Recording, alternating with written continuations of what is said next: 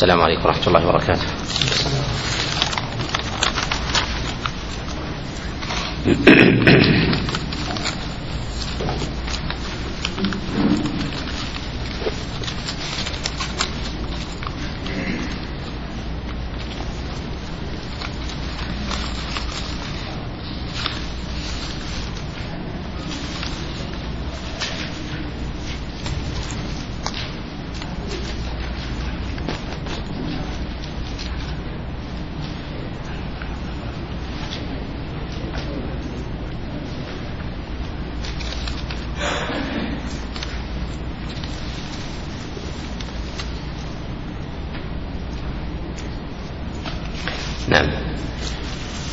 الحمد لله رب العالمين والصلاة والسلام على سيد الأولين والآخرين نبينا محمد وعلى آله وأصحابه وأجمعين.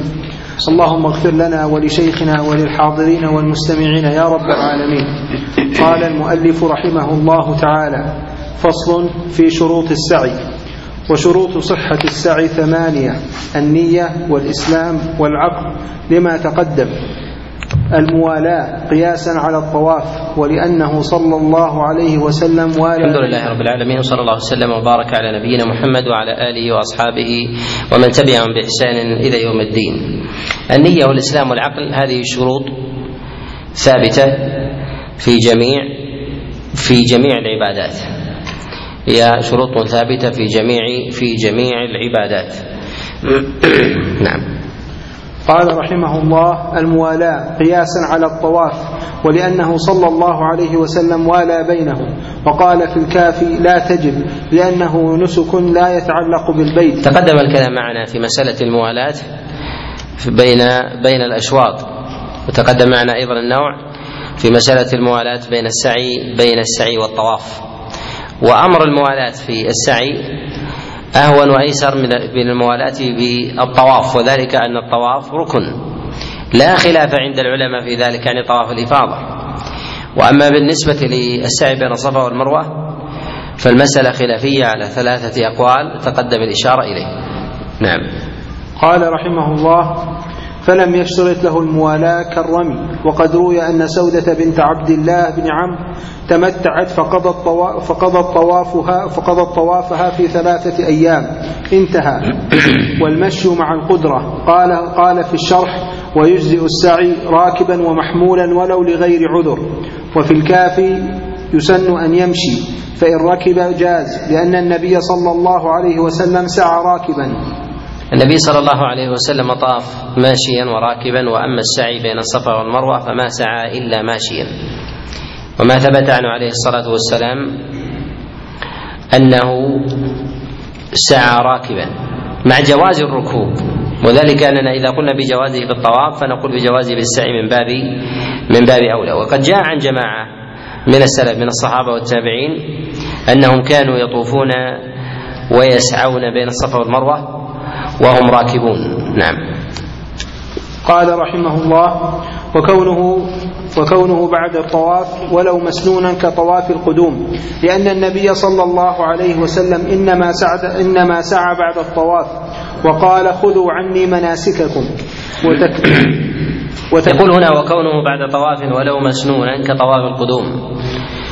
وهذا شريطة أن يكون ذلك بعد بعد طواف لا يعقبه سعي. بمعنى أن يكون طوافا منفردا لم يأتي سعي قبله بعده فإن جاء سعي بعده فلا بد من طواف يأتي بعده السعي. مثال ذلك طواف القدوم يأتي بعده السعي.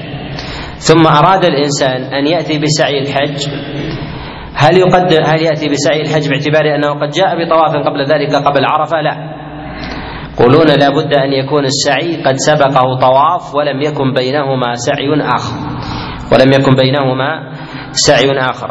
وهذه المسألة في مسألة تقديم السعي على الطواف جاء في ذلك في تقديم السعي على الطواف حديث كما جاء في المسند وكذلك في السنن من حديث جرير عن الشيباني عن زياد بن علاقة في حديث أسامة بن شريك قال رجل النبي عليه الصلاة والسلام سعيت قبل أن أطوف. وهذا خبر منكر. هذا خبر منكر تفرد به جرير عن الشيباني وخالفه عامة عامة أصحاب الشيباني. وقد أعله الدار قطني والبيهقي وابن المنذر وغيرهم من وغيرهم من الحفاظ. نعم. قال رحمه الله وتكميل السبع. يبدأ بالصفا ويختم بالمروة. يقول وتكميل السبع. يعني سبعة أشواط يكملها الإنسان يبتدئ من الصفا. وهذا كحال الطواف يبتدئ الإنسان من الحجر ويجعل البيت على يمينه. وأما الطواف المنكس والسعي المنكس فهما سواء في البطلان. فإذا ابتدأ الإنسان من المروة ثم ذهب إلى الصفا ثم رجع يقال إن أول شوط لاغي. إن أول شوط يعتبر لاغيا. وذلك أنه قد جاء منكسا. هذا على قول جماهير العلماء خلافا لأبي حنيفة فإنه قال بصحة الأمر المنكس. وينبغي ان أن نبين أن أهل الراي أهل الرأي يميل جمهورهم إلى عدم اعتبار الترتيب إلى عدم اعتبار الترتيب. وهذه قاعدة قاعدة لديهم. وتجد هذا في مسائل الوضوء تجد هذا في مسائل قضاء الفوائد وتجد هذا أيضا في مسائل الطواف. في في آه، كذلك أيضا في مسائل رمي الجمار ونحو ذلك. إذا رمى إذا رمى الكبرى ثم الوسطى ثم الصغرى قالوا صح منه وإذا رمى العكس وجاء جاء بالسنة. فمسائل الترتيب والتنكيس هذه من الأمور التي ييسرون فيها على خلاف على خلاف الجمهور. نعم. قال رحمه الله وهنا في مسألة يقول وتكميل السبع أن يأتي بسبعة أشواط. تقدم معنا الإشارة إلى أن السبع واجبة وهذا على قول جمهور العلماء ومن العلماء من قال بأن الواجب في ذلك الأكثر وهذا مروي عن أبي حنيفة وقول لسفيان قال به بعض الفقهاء من أهل الرأي.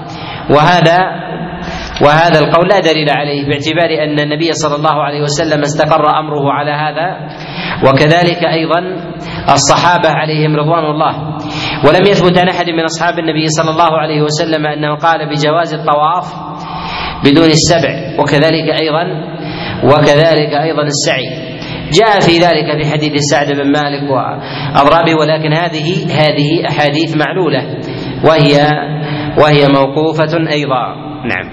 قال رحمه الله واستيعاب ما بين الصفا والمروة ليتيقن ليتيقن الوصول إليهما في يقول استيعاب ما بين الصفا والمروة ليتيقن الوصول إليهما في كل شوط في مسألة استيعاب الصفا والمروة هذا يأتي على على وجوه منها أن تتحقق في ذلك البينية. فلا يذهب الإنسان مثلا من الصفا إلى المروة ثم يتنحى يمينا أو يتنحى شمالا حتى يخرج من البينية.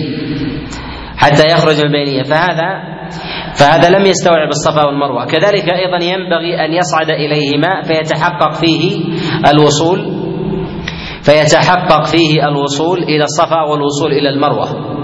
ولهذا نقول إن الاستيعاب شرط من شروط صحة السعي. شرط من شروط صحة السعي. وهذا كما أنه في الطواف كما أنه في السعي كذلك في الطواف. ولكن قد يقول قائل كيف يتحقق هذا في الطواف؟ نقول لو طاف خارج المسجد لو طاف الإنسان خارج المسجد نقول لم يصح طوافه. لم يصح طوافه. وذلك مثلا كالإنسان الذي الذي طاف ثم خرج من الطواف ليشتري متاعا. خرج من الحرم ثم اكتشف أنه قد دار. هذا هل طوافه صحيح؟ أو يقول إني سأنوي أيضا أريد أن آخذ عشاء أو أشتري لباسا ثم يقوم بالإحاطة على الحرم. هل هذا طوافه صحيح؟ طوافه ليس بصحيح. لماذا؟ لأنه خرج من المسجد. خرج خرج من المسجد. وهنا مسألة وهي في مسألة الطواف في من طاف شيئا من طوافه في السعي في المسعى. أي خرج من الساحة ثم دخل المسعى. يذكر الفقهاء هذا يقولون أنه يجب عليه أن يستأنف. يجب عليه أن يستأنف. هذا القول كان وأما الآن فينبغي فيما أرى ألا يذكر في دواوين الفقه. لماذا؟ لأن السعي المسعى الآن في المسجد.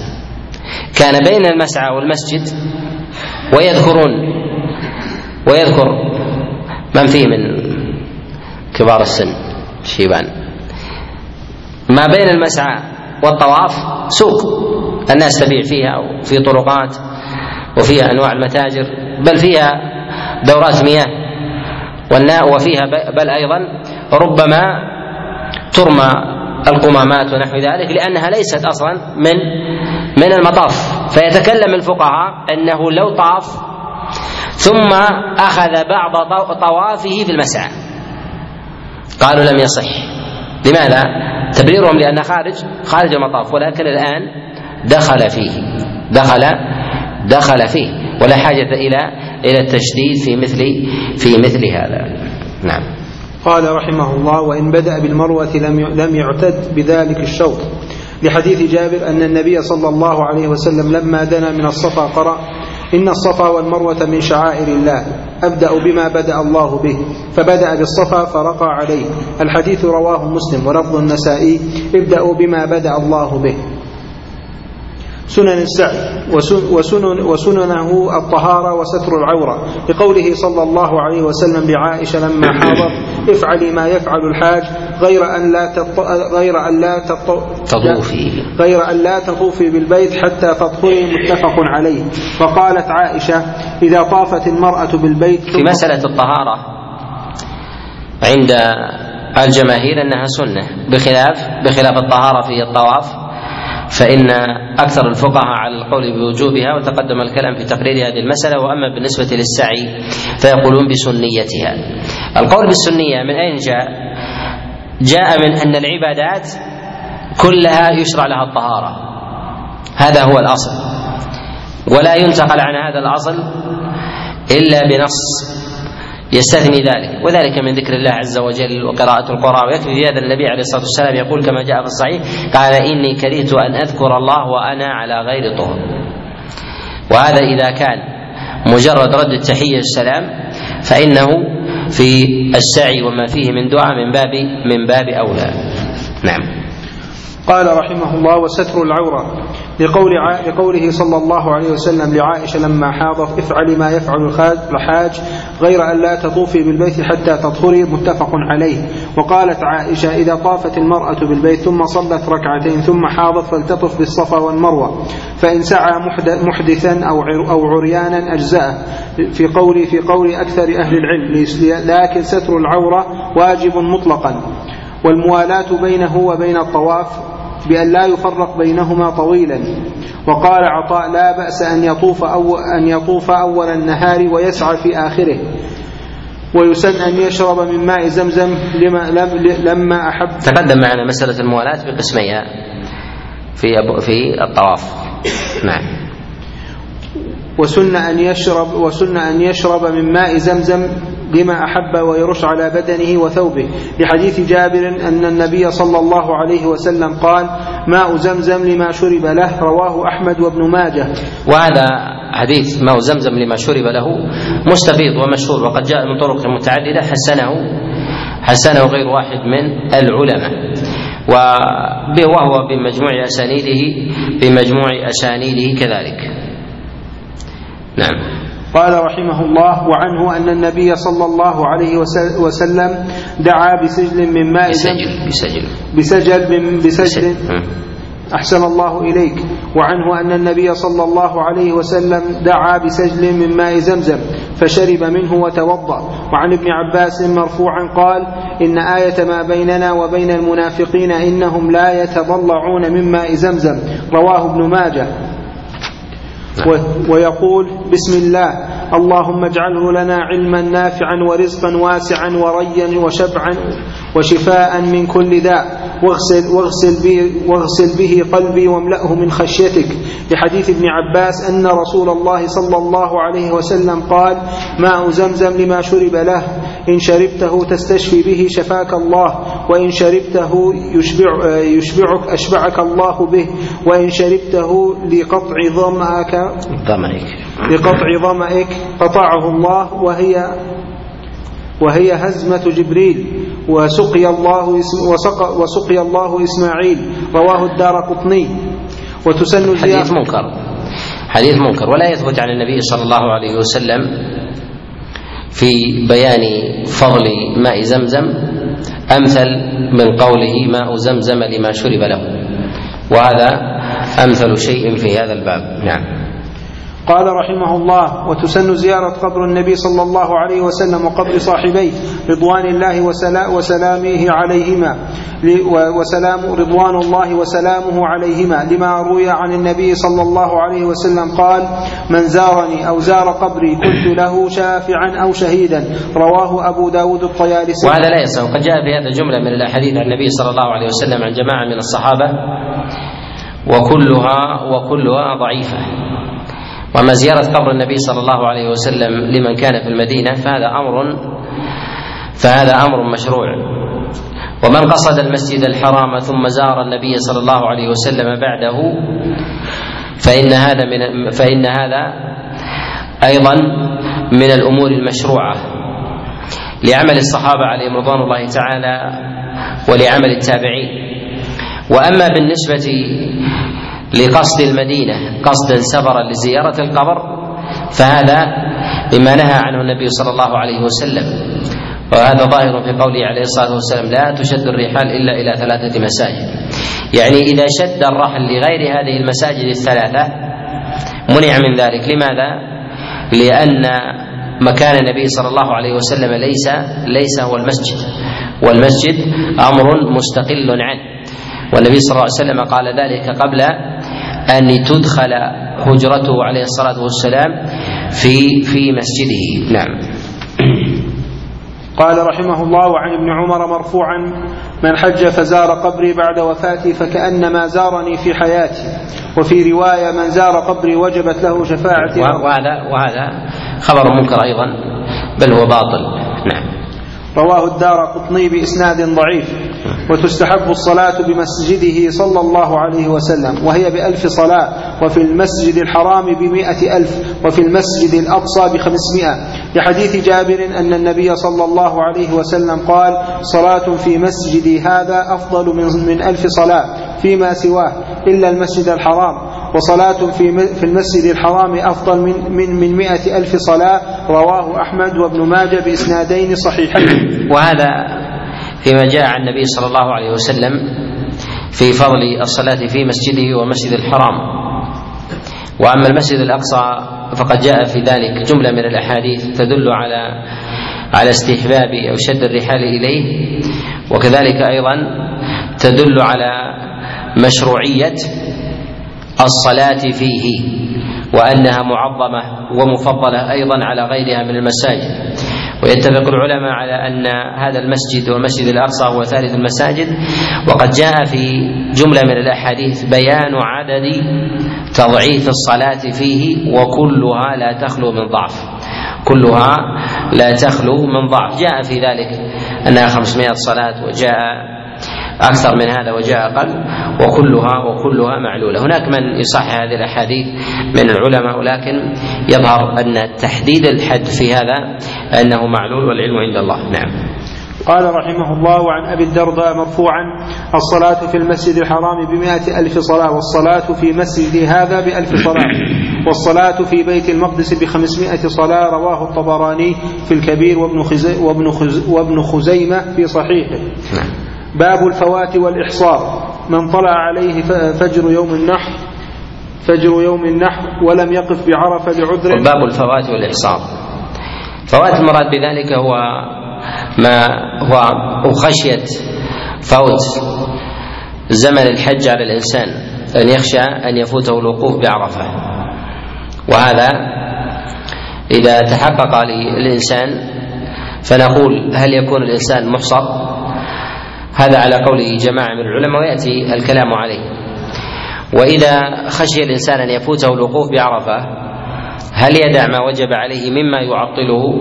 مثلا من الإحرام من الميقات مثلا أو البحث عن إحرام هل يسقط ذلك عنه أم لا؟ يأتي الإشارة إلى هذا. نعم.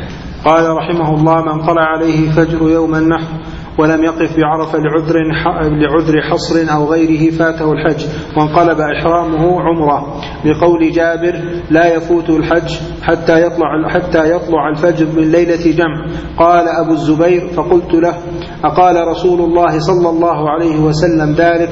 قال نعم رواه الأثرم وعن عمر بن الخطاب أنه أمر أبا أيوب صاحب رسول الله صلى الله عليه وسلم وهبار بن الأسود حين فاتهما الحج فأتيا يوم النحر أن يحلا بعمرة ثم يرجعا حلالا ثم يحجا عاما قابلا ويهديا فمن لم يجد فصيام ثلاثة أيام في الحج وسبعة إذا رجع إلى أهله.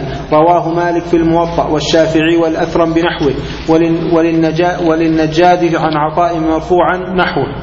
وللدار قطني عن ابن عباس مرفوعا من فاته عرفات فقد فاته الحج وليتحلل بعمرة وعليه الحج من قابل نعم. ولا تجزئ عن عمرة الإسلام نص عليه لحديث عمر وإن جمهور العلماء يرون أن الإنسان إذا أهل أنه إذا أهل بحج ثم فاته الوقوف بعرفة كأن يكون وقف في موضع يظنه عرفة ثم ظهر أنه ليس بعرفة حتى خرج الوقت أو أن الإنسان حبسه شيء إما مرض أو حبسه أمن أو ربما فقد شيئا فانشغل به أو خشي على رفقة خشية الرفقة على متاعها ونحو ذلك من السراق ورغب أن يجلس والمتاع في ذلك في تركه إفساد.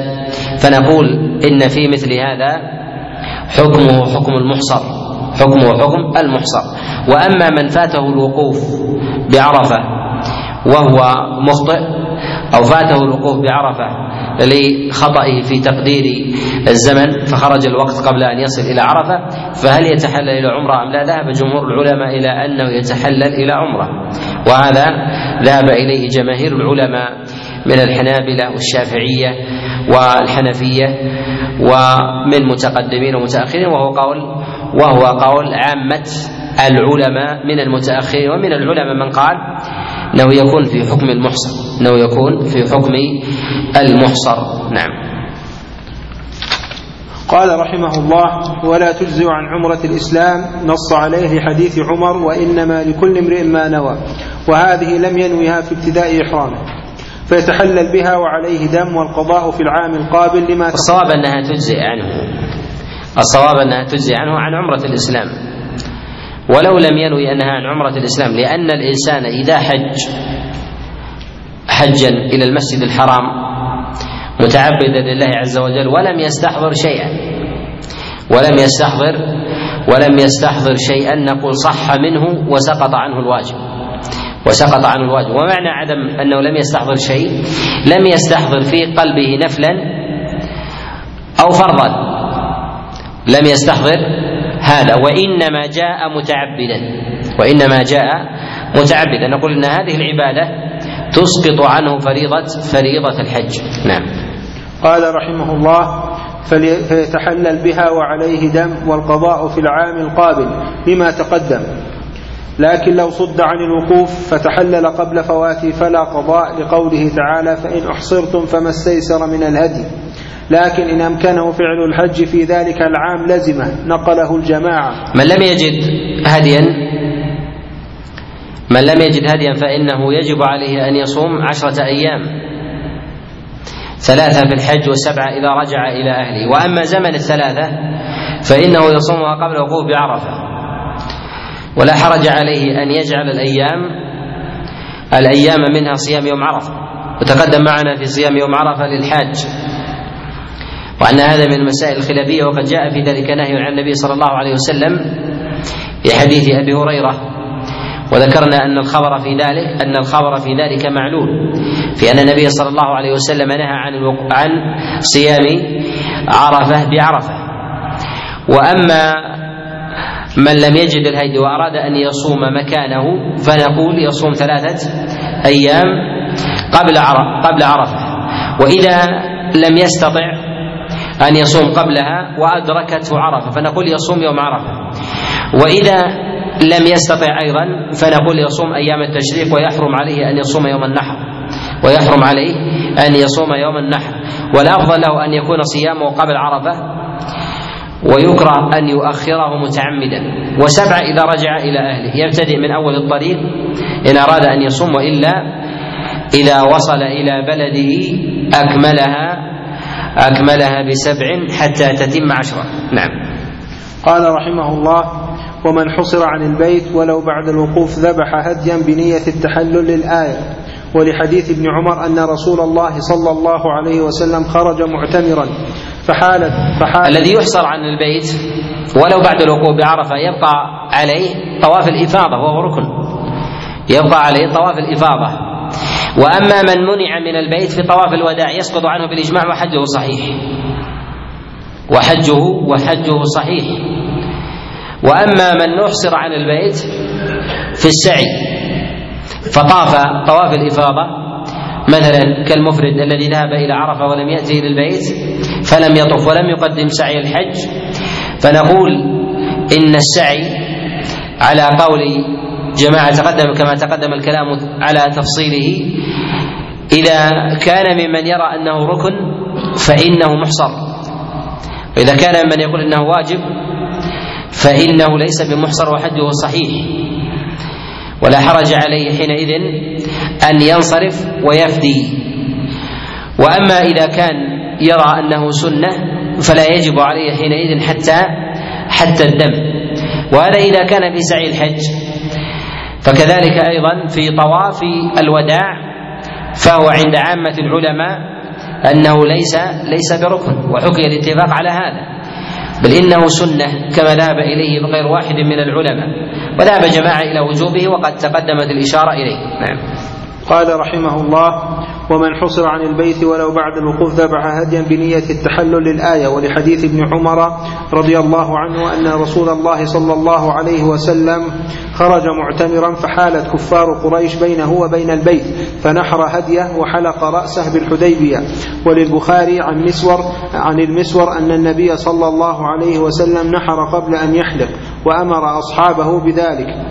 فإن لم يجد صام عشرة وذلك أن الله عز وجل يقول ولا تحلقوا رؤوسكم حتى يبلغ الهدي محله.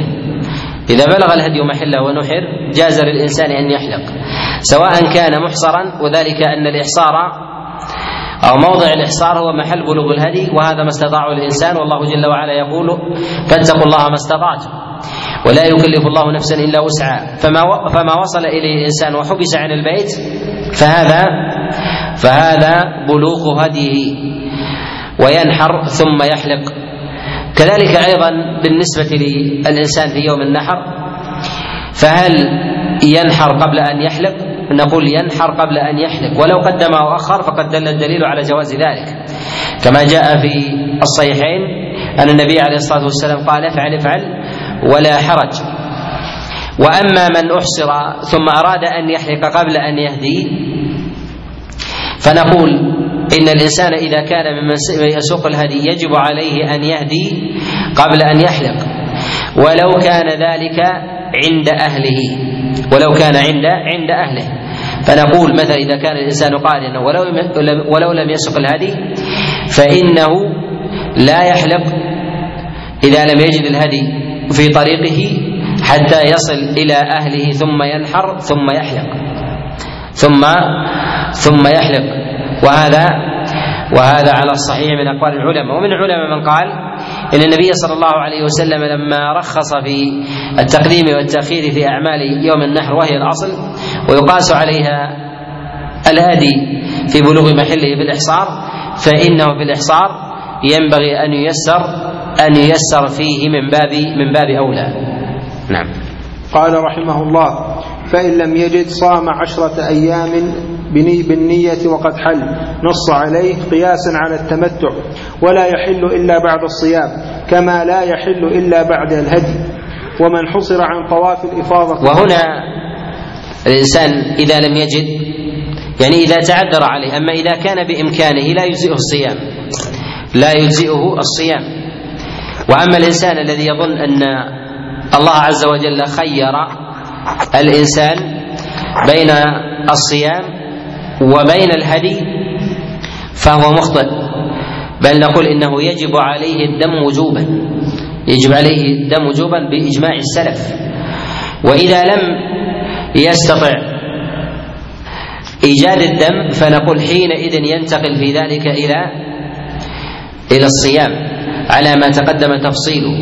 وقد جاء عن عبد الله بن عمر وعلي بن أبي طالب ويروى عن عائشة عليه رضوان الله أيضا في مسألة الصيام أنه يصوم ثلاثا قبل يوم عرفة وسبعة إذا رجع إلى أهله. وحددوا ذلك بأن يكون ذلك قبل يوم قبل يوم عرفة. وجوز ابن عمر أن يكون آخرها يعني الثلاث أن يكون ذلك في يوم في يوم عرفة. وقد جاء عن عائشة كما جاء في الصحيح من حديث القاسم عن عائشة أنها كانت تصوم يوم عرفة بعرفة. فإذا دفع الناس وأبيض الطريق بينها وبين الناس نزلت ثم ثم أفطرت. نعم. قال رحمه الله ومن حصر عن طواف الإفاضة فقط وقد رمى وحلق لم يتحلل حتى يطوف. لما روي عن ابن عمر رضي الله عنهما أنه قال من حبس دون البيت بمرض فإنه لا يحل حتى يطوف بالبيت. رواه مالك. لأنه لا وقت له فمتى طاف في أي وقت كان تحلل. ولأن الشرع ورد بالتحلل من إحرام تام يحرم يحرم جميع المحظورات وهذا يحرم جميع جميع المحظورات وهذا يحرم النساء خاصة فلا يلحق به. ومن شرط ومن ومن شرط ومن شرط في ابتداء إحرامه إن محلي حيث, حيث حبستني أو قال إن مرضت أو عجزت أو ذهبت أو ذهبت نفقتي فلي, فلي أن أحل. كان له أن يتحلل متى شاء من غير شيء ولا قضاء عليه. إذا وجد, إذا وجد شيء من إذا وجد شيئا من ذلك لظاهر الحديث لظاهر حديث ضباع السابق. في هذا في مسألة الاشتراط تقدم معنا في كلام العلماء في في أن الإنسان أنه لا يشترط إلا إذا غلب على ظنه أنه يحبس. وهذا ظاهر عمل عمل جماهير الصحابة عليهم رضوان الله. وكذلك أيضا ظاهر أمر النبي صلى الله عليه وسلم. وأما بالنسبة لللفظ فإن جاء باللفظ الذي جاء في حديث ضباعة أو جاء بغيره فنقول إن ذلك كله جائز كأن يقول إن مرضت أو حبست أو منعت أو فقد المتاع أو سرق أو نحو ذلك من العبارات التي تفيد الشرط نقول فإن ذلك اشتراط. والفرق بين المشترط وغيره أن المشترط لا يجب عليه أن المشترط لا يجب عليه هدي. لا يجب عليه دم إحصار وإنما ينزع لباسه وينتهي. وأما غير المشترط فيجب عليه الدم لأن النبي صلى الله عليه وسلم لم يكن قد اشترط في في حينما رد عن البيت بالحديبية.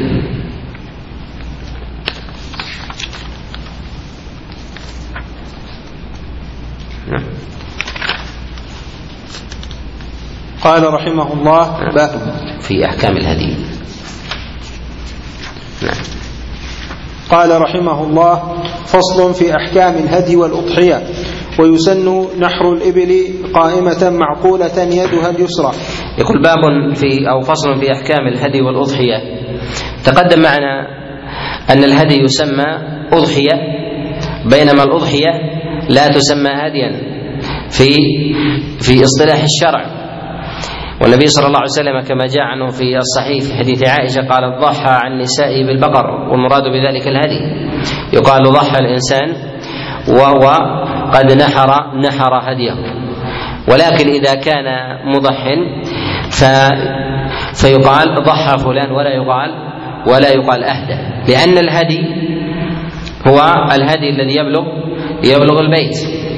وأما بالنسبة للإنسان الذي يهدي لا يشرع له أن يضحي في بلده لا يشرع له أن يضحي في بلده. جاء هذا عن عمر بن الخطاب عليه رضوان الله في رجل في رجل حج وأراد أن يهدي ليضحي قال قال لا.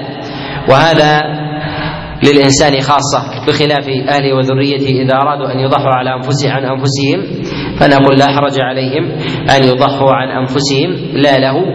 وهذا بالنسبة للإنسان الذي ذهب إلى مكة وأراد قرانا أو تمتعا ولكن إذا أراد إفرادا نقول يستحب له أن يهدي حتى المفرد باتفاق العلماء وهذا من السنن أيضا المهجورة.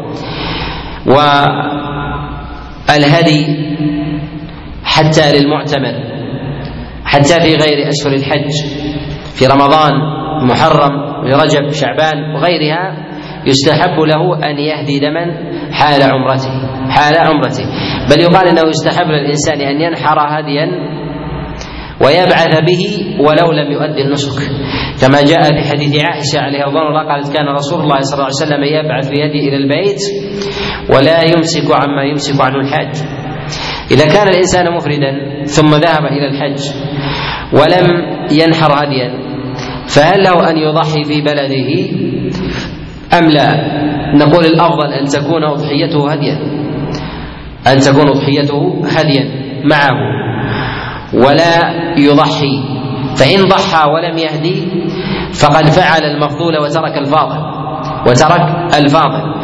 وإذا لم وإذا لم يهدي في المسجد الحرام فهل يقال بوجوب الأضحية عليه على من قال بوجوبها؟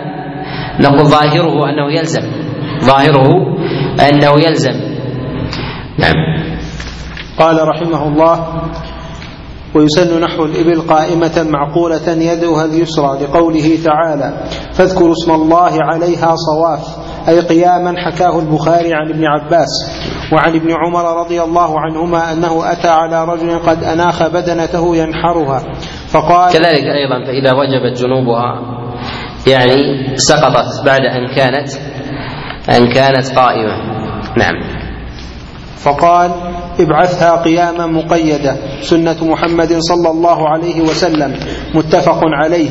وذبح البقر وذبح البقر والغنم على جنبها الأيسر موجهة إلى القبلة. استحبه مالك والشافعي لقوله تعالى إن الله يأمركم أن تذبحوا بقرة. ولحديث ضحى النبي صلى الله عليه وسلم بكبشين ذبحهما بيده. يستحب للإنسان أن ينحر هديه بيده. مهما كان قدره ومهما كانت المشقة عليه. النبي صلى الله عليه وسلم كما جاء في الصحيح من حديث جابر نحر بيده 63 من الإبل وهذا وهذا شق وهذا وهذا شق أن ينحر الإنسان مثل هذا العدد وهو من الإبل أيضا ليس من غيرها لهذا يقال ينبغي الإنسان أن يباشر أضحيته بنفسه خاصة الذبح. وأما بالنسبة للسلخ والطبخ فإن الأمر في ذلك فإن الأمر في ذلك سعة. وآكد ما ينبغي له في أضحيته أن ينحرها بيده وأن يأكل منها. وأن يأكل منها. هذا آكد ما ما للإنسان في في أضحيته. وله أن ينيب غيره كما أناب النبي صلى الله عليه وسلم علي بن أبي طالب. فنحر النبي صلى الله عليه وسلم بيده ثلاثا وستين وجعل عليا ينحر ما ما غبر يعني ما بقي. نعم. قال رحمه الله ويسمي حين يحرك يده بالفعل حين يحرك يده بالفعل ويكبر ويقول اللهم هذا منك ولك. لحديث جابر أن النبي صلى الله عليه وسلم ذبح يوم العيد كبشين وفيه ثم قال بسم, بسم الله والله أكبر واللهم هذا منك ولك. رواه أبو داود. وأول وقت الذبح من بعد أسبق من بعد أسبق من بعد أسبق صلاة العيد بالبلد. لحديث أنس رضي الله عنه قال قال رسول وذلك أنه لا يرتبط بصلاة الإنسان في ذاته. لا يرتبط بصلاة الإنسان في ذاته. وإنما يرتبط بماذا؟ بصلاة البلد. بصلاة أهل البلد. فإذا أدى أحد المساجد الصلاة فإنه يضحي ولو لم ينقضي مسجده في الحي. ولو لم ينقضي مسجده في الحي. لأن النبي صلى الله عليه وسلم ربط ذلك بأداء الصلاة وأديت. ربط ذلك بالصلاة وأديت. وإذا أناب الإنسان غيره في بلد آخر أراد أناب الإنسان غيره في بلد آخر. فكان التوقيت مختلف وهو لم يصلي في بلده. وكان البلد الذي فيها نائبه الوقت سابق. فهل نقول إن ذبحه في ذلك صحيح أم ينتظر الأصيل؟ نقول لا لأن الوكيل مقامه. لأن الوكيل الوكيل مقامه. ولكن الإنسان إذا فاتته إذا خشي الفوت في الأضحية فخشي أن ينتهي وقتها بانتهاء أيام التشريك على قول جماعة من العلماء فإن أيام أكل وشرب. ثم اتصل بشخص في بلد آخر فقال اذبح اذبح عني وأدرك وأدرك الوقت. هل هذا هذا يجزئ عنه أم لا؟ نقول يجزئ عنه. يجزئ يجزئ عنه. على ما قال بحد بحد وقت الأضاحي بأيام التشريق. نعم. قال رحمه الله وهذا كما أنه بالأضحية كذلك أيضا في زكاة في زكاة الفطر على السواء نعم. قال رحمه الله لحديث أنس رضي الله عنه قال قال رسول الله صلى الله عليه وسلم يوم النحر من كان ذبح قبل الصلاة فليعد فليعد. متفق عليه. وللبخاري ومن ذبح بعد الصلاة فقد تم نسكه وأصاب سنة المسلمين أو قدرها لمن لم يصل فلا تجزئ قبل ذلك لما تقدم ولأن غير أهل أهل مصر تعذر في حقهم اعتبار حقيقة الصلاة فاعتبر قدر فاعتبر قدرها قاله في الكافي ويستمر وقت الذبح نهارا وليلا وبه قال الشافعي لأن الدليل داخل في مدة الذبح. وقال وبعضهم يفضل أن يكون ذلك نهارا وبعضهم يفضل أن يكون ضحى.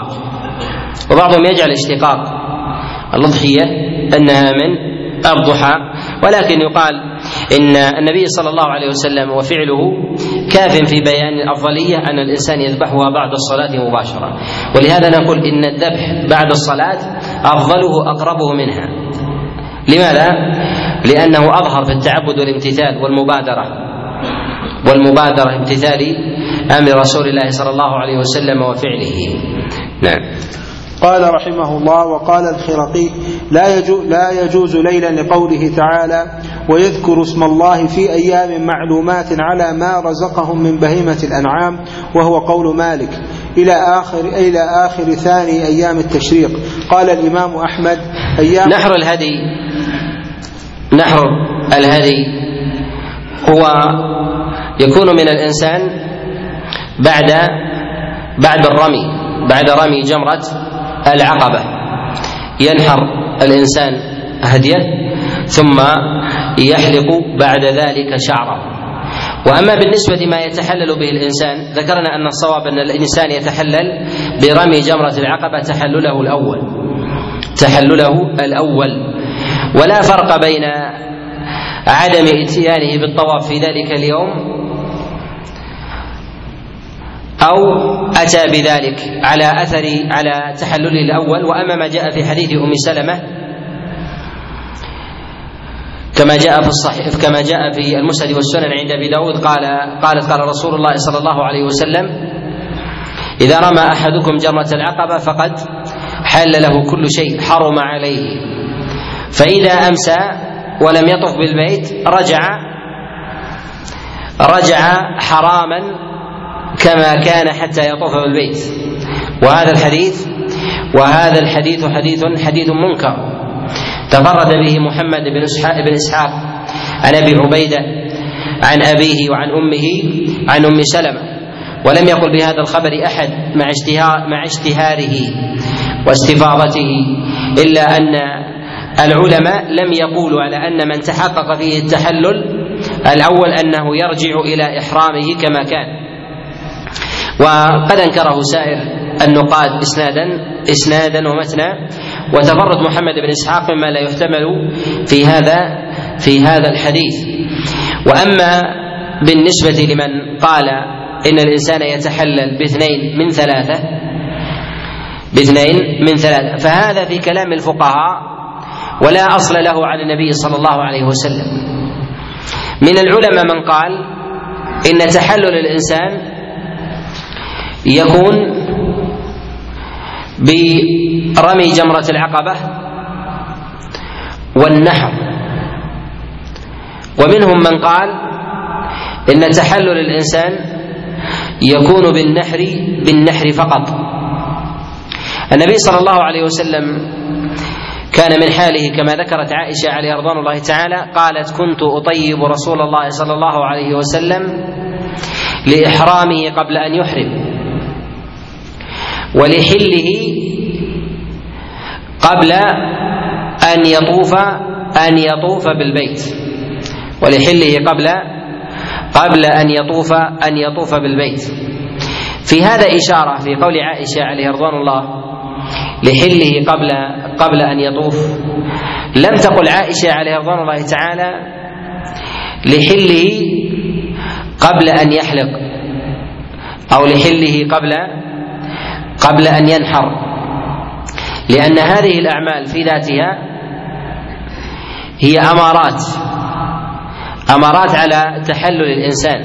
فالحلق في ذاته كان محظورا على الإنسان. ثم حل ثم حل له ذلك.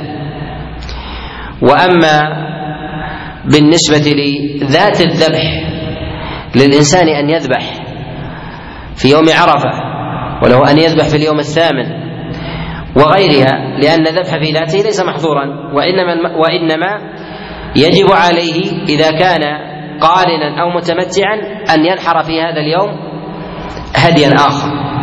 اذا فذات الفعل ليس من المحظورات عليه. حتى يقال حتى يقال بأن الإنسان يتحلل يتحلل به. وأما بالنسبة للحلق فإن الحلق في ذاته كان محظورا عليه.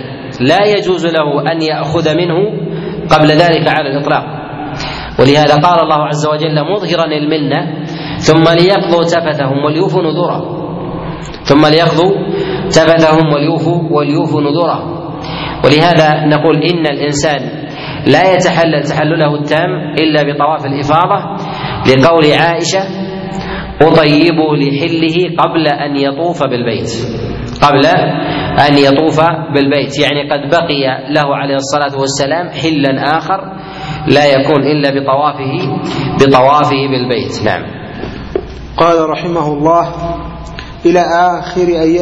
إلى آخر ثاني أيام التشريق قال الإمام أحمد أيام النحر ثلاثة عن خمسة من أصحاب رسول الله صلى الله عليه وسلم أي عمر وابنه وابن عباس وأبي هريرة وأنس ولا مخالف لهم إلا رواية إلا رواية عن علي رضي الله عنه ولأنه صلى الله عليه وسلم نهى عن ادخار لحوم الأضاحي. فوق ثلاث متفق عليه فلا يجوز الذبح في وقت لا يجوز الادخار فيه. فإن فات الوقت قضى الواجب لأنه وجب ذبحه فلم يسقط بفوات وقته كما لو ذبحها في وقتها ولم يفرقها حتى خرج. وسقط التطوع لأنه سنة فات محلها. وجمهور العلماء يرون أن الإنسان إذا إذا ذبح بعد أيام التشريق كمن ذبح قبل ذلك كمن ذبح قبل ذلك فقد أداها في غير وقتها. وكمن أخر رمضان إلى شوال أو قدمه إلى شعبان لأنه جاء في غير وقته. جاء في غير وقته. يستثني جماعة من العلماء ممن يقول بأن في أيام التشريق الناسي الناسي الذي نسي نسي عمله أن ينحر. قالوا ينحر ولو بعد ولو بعد أيام التشريق. نعم. قال رحمه الله وسقط التطوع لأنه سنة فات محلها. وينبغي للإنسان أن يبادر بأعمال بأعمال يوم النحر. فالنبي صلى الله عليه وسلم عجل عجلة عظيمة في الإتيان بأعمال يوم النحر. رمى ثم نحر ثلاثا وستين عليه الصلاة والسلام ثم سلخت ثم طبخت ثم أكل منها عليه الصلاة والسلام وحلق. ثم طاف ثم صلى الظهر عليه الصلاة والسلام. ذهب إلى إلى الحرم فصلى هناك صلاة الظهر عليه الصلاة والسلام وهذا يدل على المسارعة في العمل في العمل أول قدومه قدومه إلى منى. لهذا نقول له ينبغي الإنسان أن يأتي بأعمال النحر يستحب له أن يأتي بأعمال النحر كلها قبل صلاة الظهر. وهذا وهذا من السنة. نعم. قال رحمه الله وسن له الأكل من, هدي من هدية التطوع لقوله تعالى فكلوا منها وأقل أحوال الأمر الاستحباب وقال جابر كنا لا نأكل من من بدننا فوق ثلاث فرخص لنا النبي صلى الله عليه وسلم فقال كلوا وتزودوا فأكلنا وتزودنا رواه البخاري. والمستحب أكل اليسير, أكل اليسير لحديث جابر أن النبي صلى الله عليه وسلم أشرك عليا في هديه. قال ثم أمر من كل بدنة ببضعة فجعلت في قدر والإشراك يكون بالإبل ويكون بالبقر. فلو اشترك الإنسان ببدنة سبعة صح. وعلى قول لو اشترك عشرة ببدنة جاز. وقد ثبت هذا عن رسول الله صلى الله عليه وسلم. وأما بالنسبة للكبش فإنه لا يجزئ إلا عن واحد لا يجزئ إلا عن واحد. يشتركون في الهدي يشتركون في الأضحية ولكن لا يشتركون في الهدي. يشتركون في الأضحية لكن لا يشتركون في الهدي. نعم. قال رضي الله عنه فجعل فجعلت في قدر فأكلا منها وشربا حسيا من مرقها رواه أحمد ومسلم. وأضحيته ولو واجبة لقول ثوبان ذبح رسول الله صلى الله عليه وسلم أضحيته ثم قال يا ثوبان أصلح لي لحم هذه. فلم أزل. بعض الفقهاء يرى عدم جواز الأكل من الدماء الواجبة كدماء النذور والهدي الواجب ويفرقون بين الواجب والمستحب وقوله هنا وأضحيته ولو واجبة. ولو واجب الإنسان يجب عليه في الأضحية على من قال بوجوبها واحدة فما زاد فهو نافلة. فهو نافلة. فنقول أهدى على الصحيح. هديا وأضحية واجبة أو غير واجبة فإنه يستحب له أن يأكل, أن يأكل منها لظهور النص عن النبي صلى الله عليه وسلم. وذهب جماعة من الفقهاء من الشافعية إلى أن الدماء الواجبة الدماء الواجبة لا يأكل منها الإنسان وإنما يطعم غيره. نعم. قال رحمه الله فلم أزل. قال رحمه الله لقول ثوبان ذبح رسول الله صلى الله عليه وسلم أضحيته ثم قال يا ثوبان أصلح لي لحم هذه. فلم أزل أطعمه منه حتى قدم المدينة رواه أحمد ومسلم. ويجوز من دم المتعة والقران. نص عليه لأن أزواج النبي صلى الله عليه وسلم تمتعن معه في حجة الوداع. وأدخلت عائشة وأدخلت عائشة الحج على العمرة فصارت قارنة ثم ذبح عنهن النبي صلى الله عليه وسلم البقرة. ثم ذبح عنهن النبي صلى الله عليه وسلم البقرة فأكلن من لحومها متفق عليه ويجب أن يتصدق بأقل ما يقع عليه اسم اللحم لقوله تعالى فكلوا منها وأطعموا القانع والمعتر وظاهر الأمر الوجوب قاله في الشرح ويعتبر تمليك الفقير فلا يكفي إطعامه. السنة في الأضحية وكذلك الهدي أن يكون على على ثلاثة على ثلاثة أقسام. يأكل منها كما أكل النبي عليه الصلاة والسلام ويطعم غيره من أهل وجيران ورفقة كما أطعم النبي أزواجه عليه الصلاة والسلام. وكذلك أيضا يتصدق يتصدق ببعضها يتصدق ببعضها. وهذا لظاهر لظاهر الله. وهل الأمر في ذلك الوجوب أم لا؟ أم هو نقول ظاهر الأمر في كلام الله عز وجل انه على الوجوب. ولكن ما وجد الإنسان فقيرا. ما وجد الإنسان فقير. وإذا لم يجد الإنسان فقير باعتبار شيوع اللحم لدى الناس فنقول إنه لا يجب عليه. لا يجب عليه. لأنه ليس المقصود أن يأكل الغير وانما وإنما يطعم. وهذا ظاهر في قول الله عز وجل واطعموا القانع والمعتر فاذا كان لديه كفايه لم يسمى في حال لم يسمى الرجل قانعا ومعترا. نعم. قال رحمه الله ويعتبر تمليك الفقير فلا يكفي إطعامه كالواجب في الكفارة والسنة أن يأكل من أضحيته ثلثها ويهدي ثلثها ويتصدق بثلثها. لحديث ابن عباس مرفوعا في الأضحية قال ويطعم أهل بيته الثلث ويطعم فقراء جيرانه الثلث ويتصدق على السؤال بالثلث. قاله الحافظ أبو موسى هذا حديث حسن.